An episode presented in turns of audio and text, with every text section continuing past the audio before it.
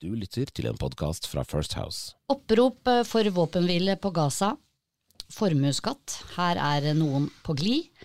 Og ikke minst, arbeidet med partiprogrammer er i gang. Velkommen til Skjæringspunktet. Dette er en podkast laget av First House, og vi snakker om temaer nettopp i skjæringspunktet mellom politikk og næringsliv.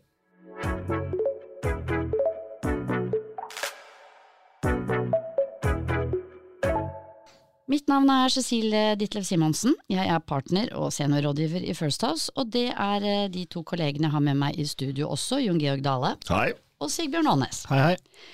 Dere, vi eh, skal eh, snakke om en del forskjellige ting i dag, og vi begynner som alltid med ukas snakkis.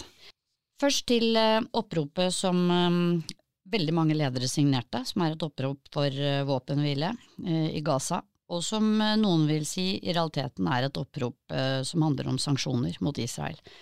Eh, mange kjente navn har signert, og eh, det var en del navn som eh, var litt pussig at hadde signert. Eh, Adolf Hitler blant annet, og Henrik Ibsen, for å nevne noen, og en del ledere som heller ikke hadde verken blitt spurt eller sagt ja til å signere oppropet. Først til et av temaene, nemlig er det greit at næringslivsledere eller representanter for bedrifter står frem med fullt navn og hilsen bedriften, og faktisk signerer et opprop som noen vil kunne hevde er kontroversielt.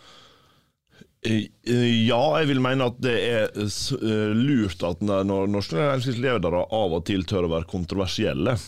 Men jeg tror det er viktig at det er en veldig tydelig forankra posisjon hvis en velger å gjøre det. fordi at du Forankret hvor?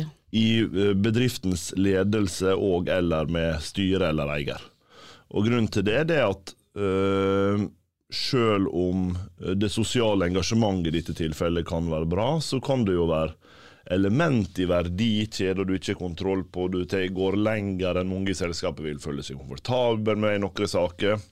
Så på et mer prinsipielt grunnlag ville jeg sagt, hvis du skal gjøre det, så krever det en forankringsprosess og en ryddig beslutningsprosess i selskapene før du går for langt. Men man kan gjøre det som privatperson. Man kan jo signere med navn uten å si hvilken tittel og bedrift man, eh, man, har. Ja, og hvis noen hadde spurt meg om rådet, så ville jeg sagt at det nok var en lurere løsning. I hvert fall hvis du tar beslutningene raskt. Ganske enkelt fordi at du vil ofte ikke rekke å være aktuell samtidig som du faktisk rekker å gjøre gode forankringsprosesser i eget selskap. Har du Signerte du, Sigbjørn? Nei. Eh, så er det ikke så vanskelig å, å være enig i, i, det som står i oppropet. Men, men, det er to ting. Det ene er jeg tror man må tenke over før man setter bedriften, for du tar jo bare en slutning på, på, vegne av ditt eget navn. Eh, det er jo på vegne av alle som jobber der, og de som er i, og de andre som leder. Så, så jeg blir jo litt forvirra når jeg ser disse titlene. Er det selskapet som er ute, eller er det privatpersoner? Det andre er at dette er fryktelig komplisert. Jeg hørte debatten, debatten, i går på NRK. Egentlig ganske god prat. Høyre Arbeiderpartiet var der, og, og, og, en del av disse bedriftslederne. Og, og, det er klart, jeg tror ikke for å si det sånn, jeg tror ikke det er vanskelig å få gehør i partiene for mye av det de egentlig mener. Men når man ikke gjør det, så er det jo fordi at konsekvensene med den handlinga de, disse ønsker, vil jo være negativ. Ikke for Norge, men også for, for, prosessen i Midtøsten. Og Det gjør at jeg tror innimellom så kan du bli sikkert i politikken litt sånn oppgitt over at, at når man opplever at næringslivet egentlig bare gjør det vanskeligere for politikken. Men uh, dette må du forklare. Hvorfor vil det bli vanskeligere? For det første har Norge en unik posisjon i Midtøsten eh, på bakgrunn av Oslo-prosess og andre ting, som gjør at vi har, vi har, faktisk en dialog med alle parter. Det er klart at Hvis vi skal sette oss på gjerdet et sted, så, så, så vil noen slutte å ta telefonen. Det betyr at eh, da er det én færre som har den muligheten, og det er ikke så mange som, som har den posisjonen Norge har. Vi leder giverlandsgruppa for, for, Palestina og har gjort det i mange år. Eh, det er en viktig posisjon ivaretatt. Altså, det er mange brikker her som gjør at, eh, at eh, Norge må på en måte ivareta den posisjonen vi har, og derfor tror jeg ikke nødvendigvis at de enkle løsningene er de beste løsningene. Men likevel så ser man jo et engasjement her som også etterlyses ofte. Hvorfor kan ikke næringslivsledere være med, vise et større grad av både sosialt engasjement, samfunnsmessig engasjement, og her er det noen som faktisk tør og står for noe? Ja, og de, den sida syns jeg jo uh, egentlig i utgangspunktet er bra. men det er da liksom Representerer du deg sjøl, eller representerer du selskapet? Og Det tror jeg er en viktig prinsipiell avklaring å gjøre. Og så tror jeg at Hvis du skal representere selskapet, så eh, fordrer det i hvert fall en, en fornuftig forankringsprosess alle veier. Så tror jeg i tillegg at, litt som Sigbjørn sier, at uh, det som er dilemmaene uh, når en først entrer den type debatter, det er hva slutter det engasjementet? Uh, fordi du, En ting er å være med på første opprop, men, men hvis dette har betydelige konsekvenser for din egen virksomhet, da, f.eks. Altså, hvis du Det kan en- være forretningsmessige ja, ja, hvis du, konsekvenser, hvis du, avtaler. Hvis, hvis du ender opp i et, egentlig tatt til orde for sanksjonsregime, og så har ditt eget selskap kjøper komponenter fra den ene parten her som, som gjør det veldig sårbar, f.eks.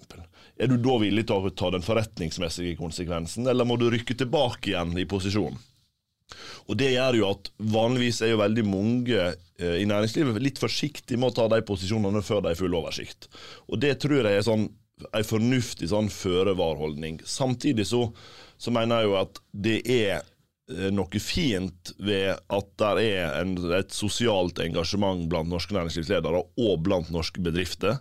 Men jeg tror det viktigste er forankringsprosessene, at en er gjennomtenkt, at en har kontroll på egne verdikjeder før en forventer at andre skal ha det.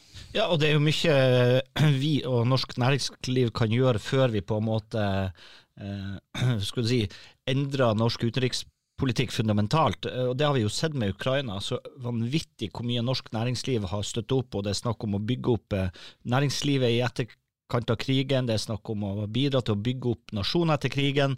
Eh, samla inn penger, samla inn biler, samla inn utstyr til krig. Altså Det er jo veldig mye man kan gjøre. Men i den situasjonen var det liksom litt mer åpenbart hvilken eh, side man skulle Ja, støtte, da. og det er jo det som er så vanskelig. Sant? Ukraina samla oss, Midtøsten splitta. Eh, og så tror jeg ikke det er, altså det er ikke kontroversielt i Norge å, å synes det er helt for jævlig å se på bildene fra Gaza, eller ønske våpenhvile. Det er, veldig, altså, det altså, er ingen som ikke gjør det. Nei, jeg tror, jeg, tror, jeg, tror det, jeg tror det er veldig marginalt, uh, og egentlig kanskje litt mindre Jeg tror det er mer hvordan vi håndterer det som er kontroversielt, enn kall det fordømmelsen. Men dette kommer det helt sikkert til å være diskusjoner om de neste par dagene også, og um, vi skal til en annen snakkis, og det er faktisk eh, formuesskatten.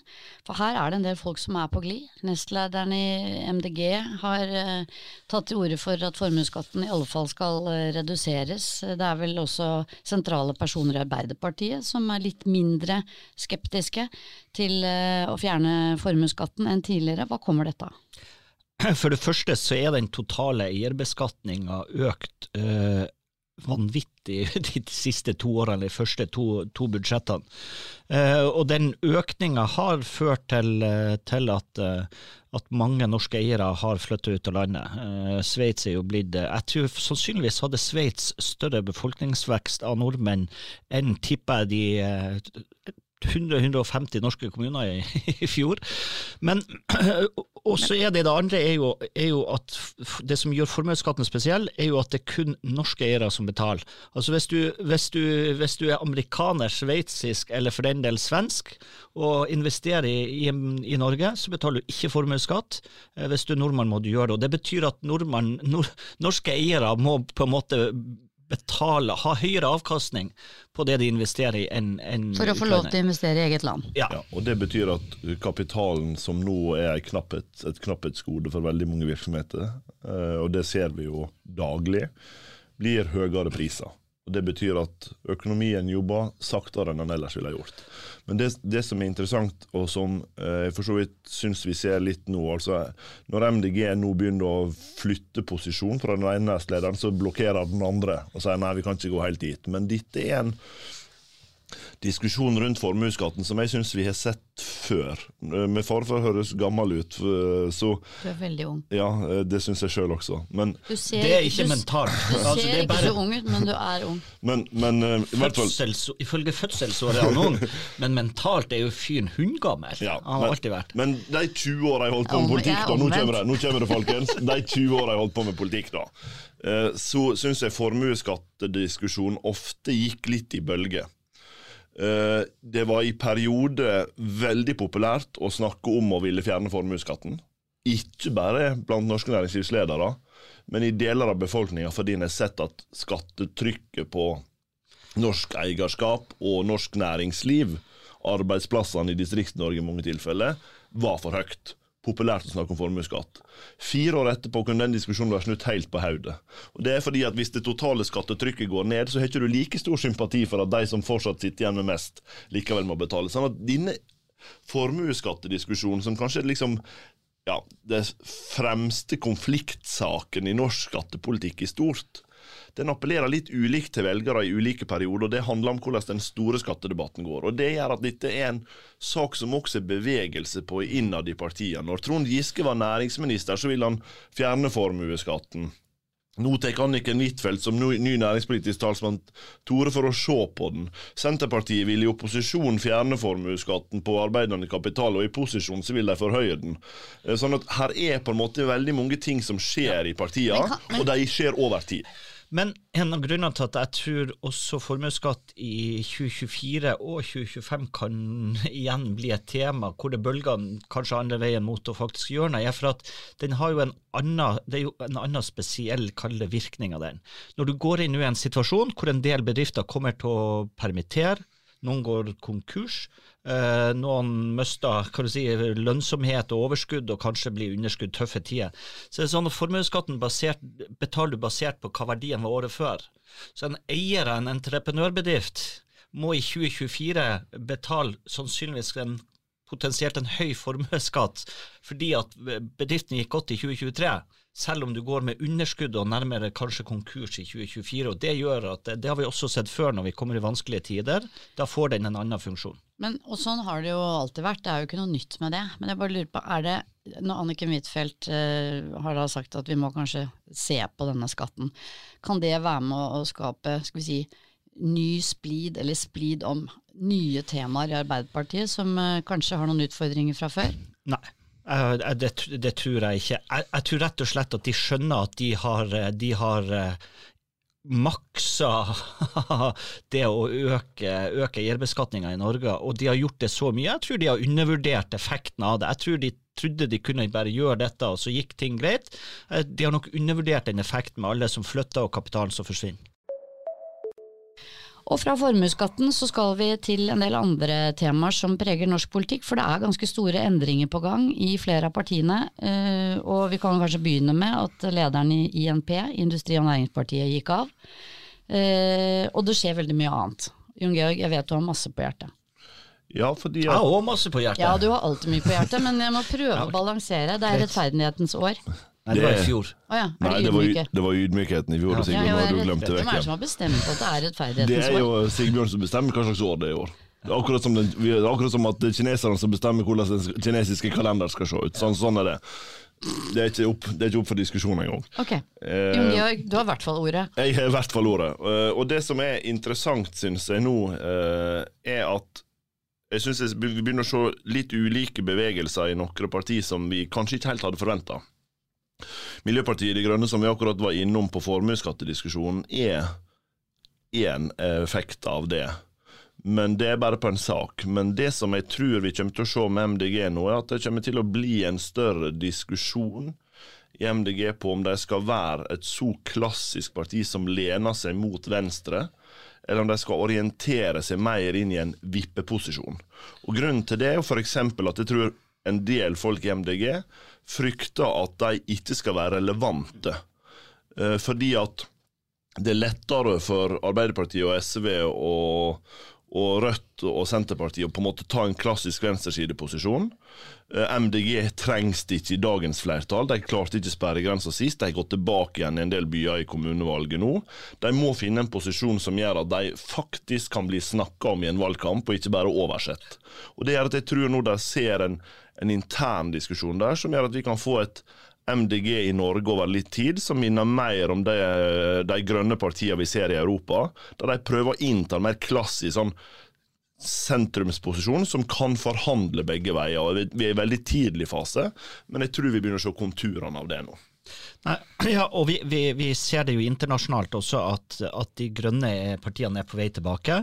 Du ser det blant unge mennesker at MDG gjør det langt dårligere enn en tidligere, så dette er en trend. Og i tillegg så oppleves de mindre relevant, fordi at de blir kall det rundingsbøye for regjeringa, for de oppleves ikke som en trussel at de skal skifte side. Eh, så jeg tror dette er nok er, er at Jon Georg mye rett i, at de, hvis de skal være relevante i 2025, så må det oppleves at de vil kunne skifte side. For, for sånn som det ser ut nå, så står jo ikke valget mellom dagens flertall bak regjeringa og Erna Solberg. Det står mellom et regjeringsskifte med Erna Solberg som statsminister, eller at Støre fortsetter, men med et bredere flertall. altså Da må han ha med seg eventuelt Rødt og MDG. og Dermed så blir denne, denne si, reorienteringa eh, potensielt litt interessant. Men, men er MDG, blir de også kallet svekket fordi mye av politikken deres Altså De er jo ikke alene om en del av standpunktene, fordi at eh, de andre partiene har også etter hvert fått eh, skal vi si, tydeligere grønne profiler? Jeg tror også det, det, det er klart det oppleves nok at, at uh, andre partier også har en, en troverdig klimapolitikk. Samtidig så ser vi også en trend at Eh, spesielt nå når, eh, si, når, klimapolitikken begynner å treffe folk i gata, så ser vi jo at det blir, det blir tøffere. Dette har en pris. Vi har snakka veldig mye og vi har satt målene langt fram i tid og alt det her, men, men, men når det treffer oss nå, så, så, har det en kostnad. Eh, og det gjør nok også at mange syns kanskje det blir og, og også sånn som MDG, det så man sist valgkamp, og spesielt blant unge. altså Det blir så Eh, det blir så pessimistisk. og, og, man har jo lyst til å ha en fremtidstro. Ja, så tror jeg jo eh, det en må ta litt inn over seg hva de siste velgerundersøkelsene også viser, det er jo at klimapolitikken blir mindre viktig når det går trått. Altså, I velgerne sine øyne så er klimapolitikk av og til litt sånn overskuddsforetak. Sånn at når For nå er det liksom når, de, når økonomi, de nære bekymringene. Når økonomien går godt, når ikke gjeldssituasjonen din er et problem, når jobben din er trygg Da har vi overskudd litt, til å tenke på klima. Da kan vi tenke på klima. Men når du er usikker på hvordan du skal håndtere de økte strømprisene, de økte matvareprisene, større usikkerhet rundt jobbene dine i privat sektor, permittering, varsel om permitteringer, nedbemanninger i enkelte selskap da har du ikke tid til å tenke på det. og Det, det gjør at den synker som en stein da, i, i, velgernes, dypt, i, i velgernes bevissthet. Men det er jo også MDGs utfordring. Fordi eh, Hvis du tenker liksom hvordan har Venstre prøvd å posisjonere seg nå, f.eks., så sier de liksom klima og skole. Eh, veldig tydelig profil på det, og så prøver de å bygge en, en profil på små og mellomstore bedrifter. Alltid gjort. Mm. Mens MDG har hatt klimapolitikken, og i veldig stor grad bare den, så de blir mye mer sårbare enn en del andre partier. og Derfor tror jeg de må reorientere seg, tenke annerledes, og jeg tror de egentlig langt på vei er i gang med den prosessen. Og Så var du jo innom et, eh, et annet parti, nemlig INP, som jo fikk eh, betydelig oppslutning ved lokalvalget, og også fikk innflytelse mange plasser. Eh, og Vi var vel bekymra for hvordan disse skulle manøvrere seg inn mot, mot 25, for vi ser jo også i Norge en trend mot at vi, altså vi er ikke der man var før, hvor du hadde ett stort parti på hver side, og så om noen få til at det begynner å bli ganske mange partier på Stortinget, og flere kan det bli. Men INP har jo som disse andre små forsøkene de siste årene også nå på en måte implodert. Lederen har meldt seg ut og tatt med seg både hjemmesida og bankkonto jeg skal si, og, og starta et uh, nytt parti som, uh, som har omtrent uh, samme navn. Hva er det som skjedde der? Nei, altså det, det, er jo veldig mye varsler på, på, lederstil og mangel på involvering. Altså, poenget, det, jo, altså, det å skape en kultur, organisasjonskultur, har jo et, noe for seg. Det ser du jo både når du ser hva skjer med INP nå og bompengepartiet for, for fire år siden. Mm. Fordi at når, når, du er noen få stykker og ting går oppover, så går alt bra. Men når du begynner å bli veldig mange, så så trenger du en, å ha en god der, organisasjonskultur. Der, der, kan vi jo si at politiske partier, i hvert fall nyetablerte, har litt å lære av næringslivet, da, som det, faktisk jobber ganske systematisk med å bygge kultur. Eh, det er helt rett. Og så tror jeg det er en tilleggsdimensjon som jeg syns er interessant. Det er at når INP-lederen går av, så går han av og forklarer at under hans lederskap politi, politikken flytter seg feil retning. det, det, det, er jo det mest, ko, det mest komiske intervjuet jeg har sett noen gang. Men han gjør nå det, og så sier han vi skal tilbake Men er det ikke noe litt herlig i det? Jeg tror folk Jo, liker det litt. Ja. ja da, for all del. Jeg syns bare det er liksom Det er greit å møte seg sjøl i døra, men til de grader, da.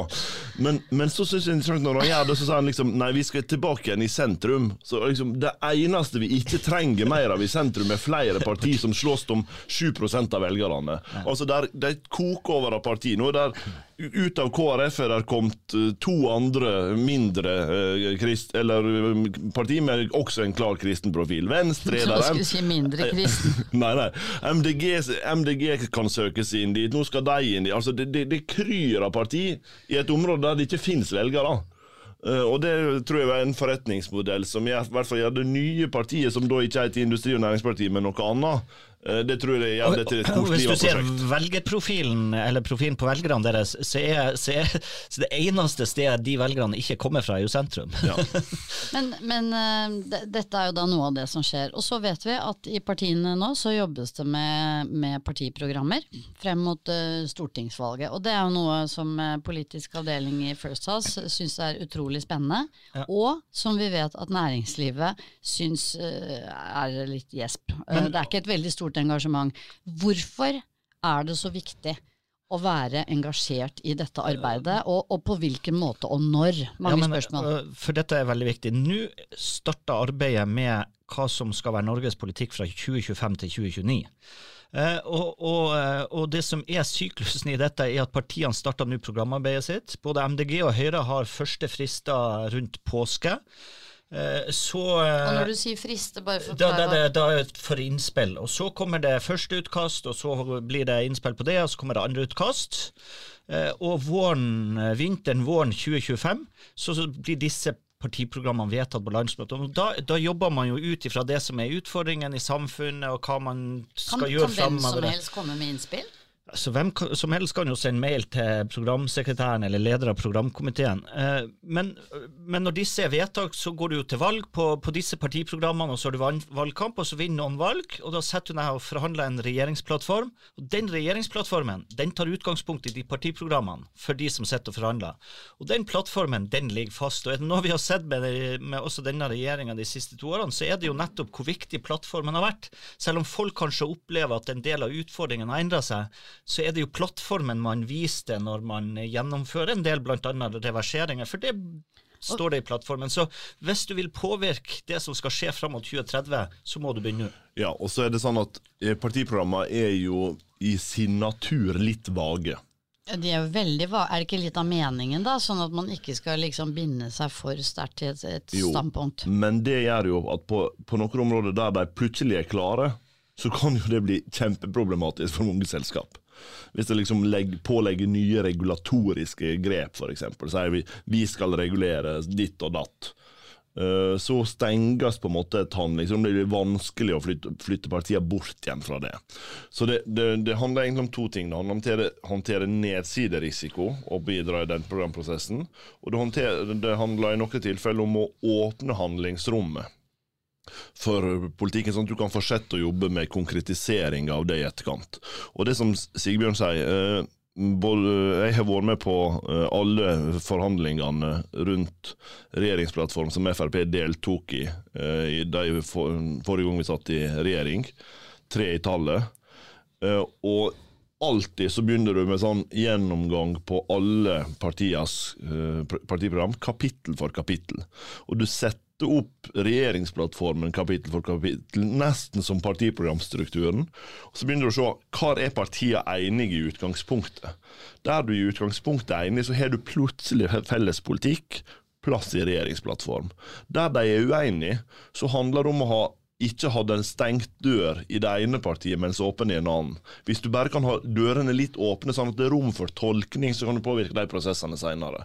Men det er, ikke, det er ikke så lett for næringslivet, basert på det du sier der, eh, å tenke liksom, hvordan skal man påvirke et partiprogram som uansett er såpass vagt? Det det- er så mye runde formuleringer. Og det skjønner jeg, men, men dette er jo der uh, vi, eller i hvert fall min personlige vurdering, er at eh, det er en lav kostnad å komme seg opp på det som er et sånn absolutt minimum av politisk innsikt. Fordi at, som vi snakka om mange ganger her, politikken kommer til å bli stadig viktigere for butikken.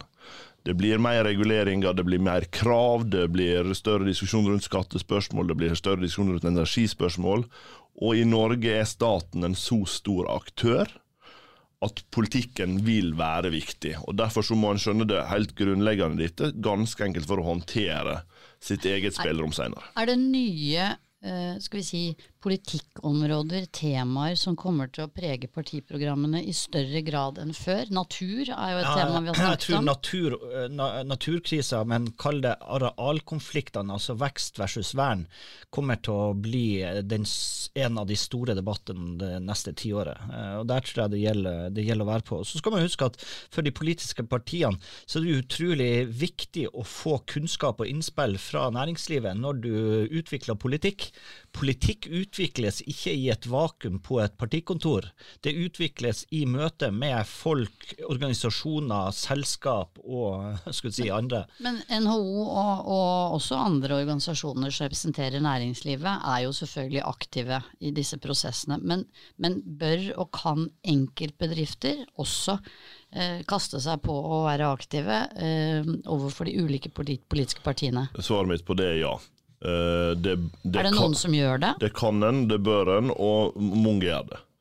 Og det gjør at hvis, du, hvis konkurrenten din gjør det, ikke du gjør det, når du har litt, ut, litt utgangspunkt, så, så er det en dårlig vurdering. Uh, men så litt tilbake til hva slags ting som kommer. For jeg tror uh, Sigbjørn har helt rett. Natur- og arealkonflikter blir ei sånn.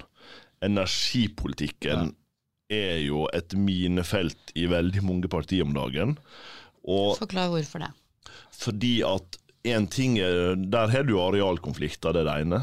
Det andre det er strømprisene, harmonisering av, av et uh, felles strømmarked med Europa. Uh, det, det, det, Og kostnader. Ja, altså, det er mange ting i det, og ikke minst hvordan skal vi få bygge ut mer fornybar energi. Og hvis vi bygger ut mer fornybar energi, hva skal vi bruke den energien til? Så det er et tonn av eh, ting som blir problematisert, og så er det én sektor til som jeg tror er avgjørende at vi husker på at det blir eh, eh, all grunn til å tro at det kommer til mye diskusjon rundt, og det er forsvar og forsvarsindustri. Med alle distriktspolitiske dimensjoner det også er, kommer til å være eh, alvorlig viktig de kommende månedene. Og så kommer kampen om folk og kompetanse til å bli viktig. Det, for det, det, vi kommer til å mangle folk framover. Og det, det er jo det vi ser i helsedebatten også, at det er jo, det er jo mangel på folk som er viktig. Arbeidskraft og spisskompetanse. Men hvis vi har tid helt på slutten, så har jeg lyst til å nerde om noe som fascinerer meg veldig. Og det er at jeg har gått inn i SSBs velgerundersøkelse har sett, og det er ikke noe tvil om at det er stor forskjell nå på hva unge menn og kvinner stemmer. Eh, Kvinnene er veldig på venstresida, menn veldig på høyresida. Men blant unge menn nå så har det jo vært skrevet en del, altså de føler ikke de har reell ytringsfrihet osv. Og, så og der, der er utslagene helt, egentlig helt ekstreme. Og en av måtene man kan se, selv om det er små tall, at unge menn er, kan si, er veldig konservativ retning, som går i hele den der TikTok, Tate osv. debatten, er jo at KrF er blant velg menn på 20-24, så er KrF større enn både Arbeiderpartiet, SV, Senterpartiet og Rødt.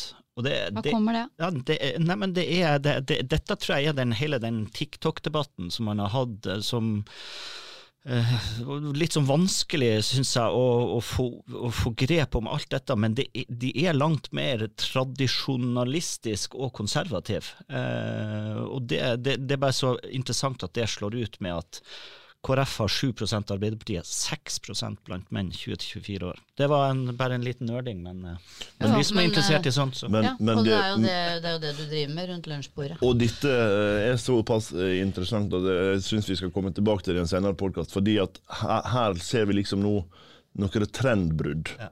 Eh, som uh, vi også nå jobber med å egentlig fullt og helt forstå hva er det som egentlig skjer. Gjøre analyse på det.